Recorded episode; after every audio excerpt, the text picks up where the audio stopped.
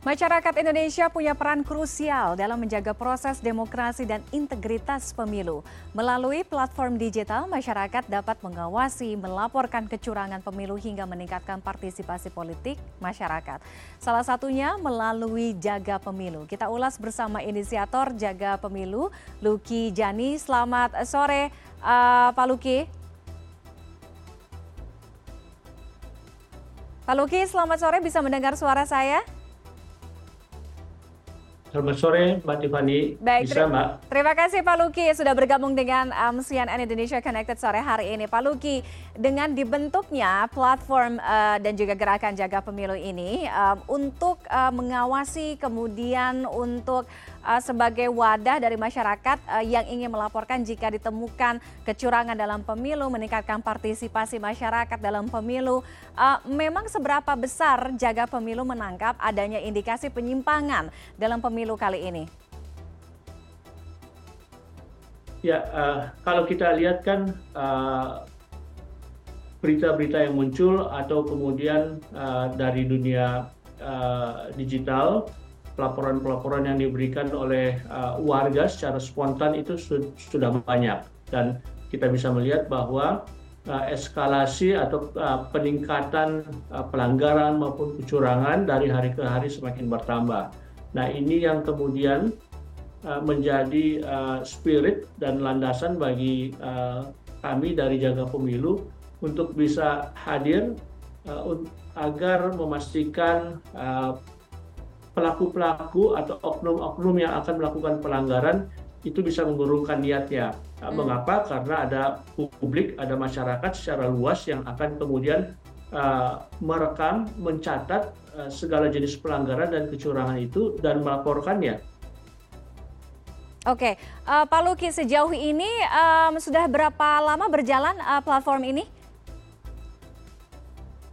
Uh, kalau platformnya sendiri baru kami uh, rilis uh, minggu lalu. Oke. Okay. Ya. Untuk gerakannya? Dan kita uh, sudah mulai kita sudah mulai mendapatkan pelaporan-pelaporan dari masyarakat. Kalau untuk gerakannya uh, sejak November pertengahan November kami deklarasi hmm. dan kita uh, kemudian aktif membangun komunikasi berjejaring dengan kelompok-kelompok masyarakat terutama yang ada di daerah-daerah agar uh, mau berpartisipasi agar mau terlibat uh, sebagai pemantau pemilu. Oke, paling tidak uh, sudah beberapa bulan uh, berjalan gerakan dan juga platform jaga pemilu ini apa um, temuan yang paling banyak dilaporkan oleh masyarakat terkait dengan kecurangan? Ya, kalau uh, dari hasil pemantauan aktif yang kami lakukan, hmm. uh, setidaknya ada tiga jenis pelanggaran yang marak terjadi. Hmm. Ya, uh, yang pertama adalah uh, ketidaknetralan aparat ya atau aparatur uh, yang bias memberikan uh, dukungan atau fasilitasi kepada pihak-pihak uh, peserta pemilu tertentu. Uh, yang kedua tentu saja uh, berupa uh, pengerusakan alat peraga kampanye yang uh, sering kali terjadi uh, di daerah-daerah gitu. Dan yang ketiga tentu indikasi terjadinya vote buying atau upaya untuk membeli suara pemilih dengan memberikan iming-iming, memberikan uang, memberikan hadiah gitu, agar kemudian uh, peserta pemilu tertentu terpilih. Oke, uh, Pak Luki, kan uh, secara formalnya, secara resminya sudah ada lembaga yang mengawasi um, dalam sistem pengawasan untuk pelaporan kecurangan dan lain sebagainya. Ada KPU, ada Bawaslu. Nah, kenapa masih sampai ada gerakan, sampai ada platform seperti Jaga Pemilu ini?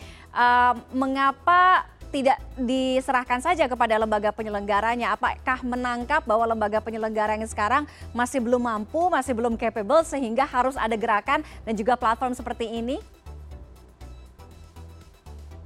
Ya, kalau kita lihat ya eh, standar penyelenggaraan pemilu yang baik, ya, standar internasional, di situ uh, mensiratkan adanya keterlibatan aktif dari masyarakat, dari publik dan uh, pemantau pemilu di Indonesia sendiri sudah dikenal mulai dari tahun 97 dan yang paling masif uh, dilakukan pada tahun 99 pada pemilu pertama pasca Orde Baru.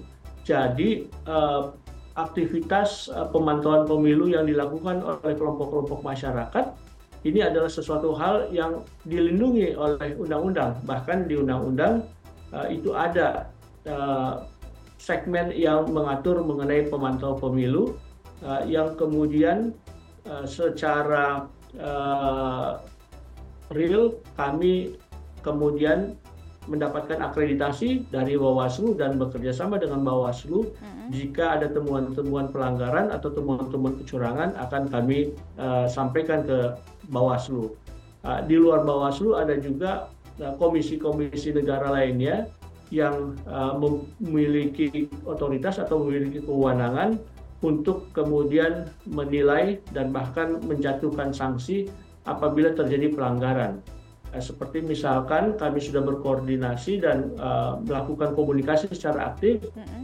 dengan lembaga seperti Komisi uh, eh, ASN ya uh, untuk uh, uh, memberikan laporan jika ada temuan-temuan bahwa aparatur sipil negara itu uh, bias dan mendukung uh, penyelenggara uh, peserta pemilu tertentu. Yang lain kami juga uh, sudah berkomunikasi dengan Lembaga Perlindungan Saksi Korban. Hmm. Ini ditujukan agar para pemantau merasa aman jika mereka melaporkan temuan-temuan pelanggaran, hmm. temuan-temuan kecurangan uh, kepada uh, kelompok seperti jaga pemilu. Hmm. Mereka sebagai uh, saksi akan dilindungi. Oke. Okay.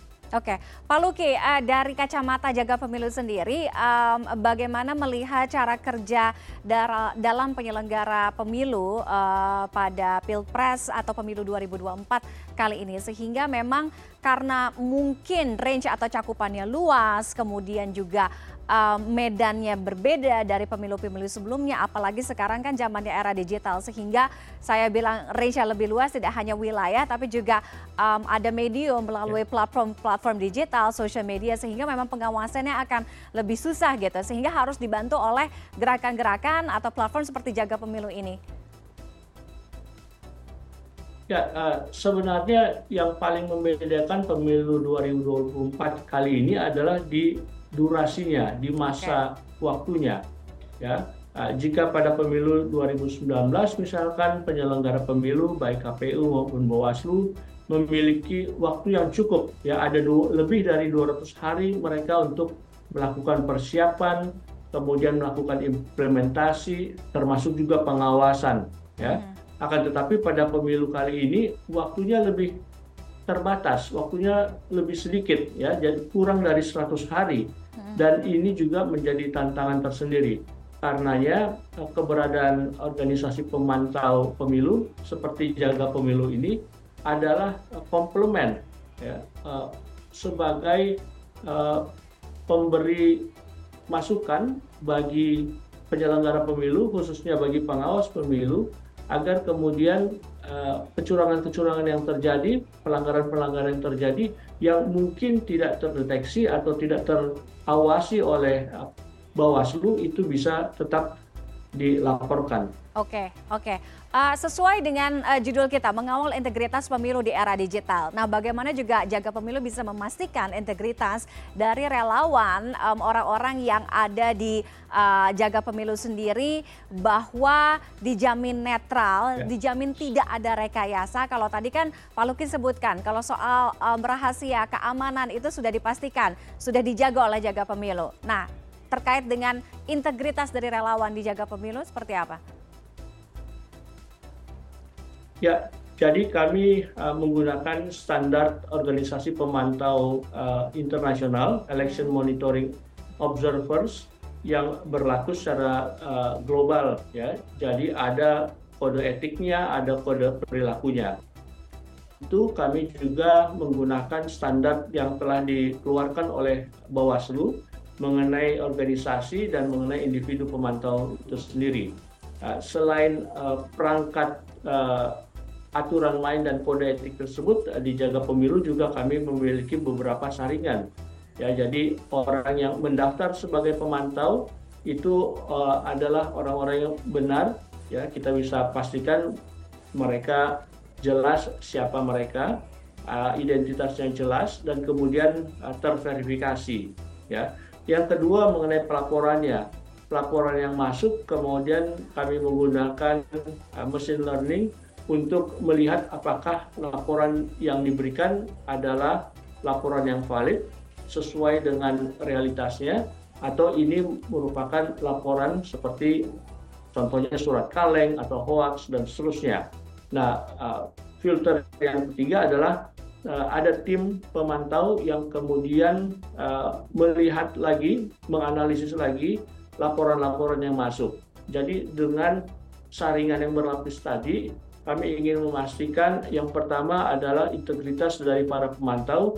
Mereka menggunakan kode etik dan kode perilaku dengan standar internasional dan sesuai dengan peraturan yang dikeluarkan Bawaslu. Kedua, secara sistem juga kami menjaga agar pelaporan yang diberikan mengenai pelanggaran, mengenai kecurangan itu bisa diverifikasi dan bisa dibuktikan bahwa itu terjadi.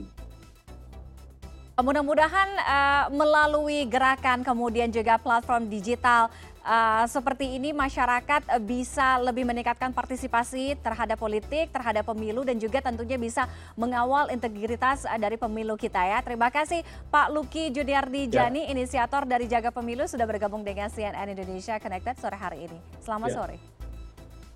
Terima kasih juga CNN yang telah memberikan ruang untuk kami mensosialisasikan tentang Jaga Pemilu Terima kasih.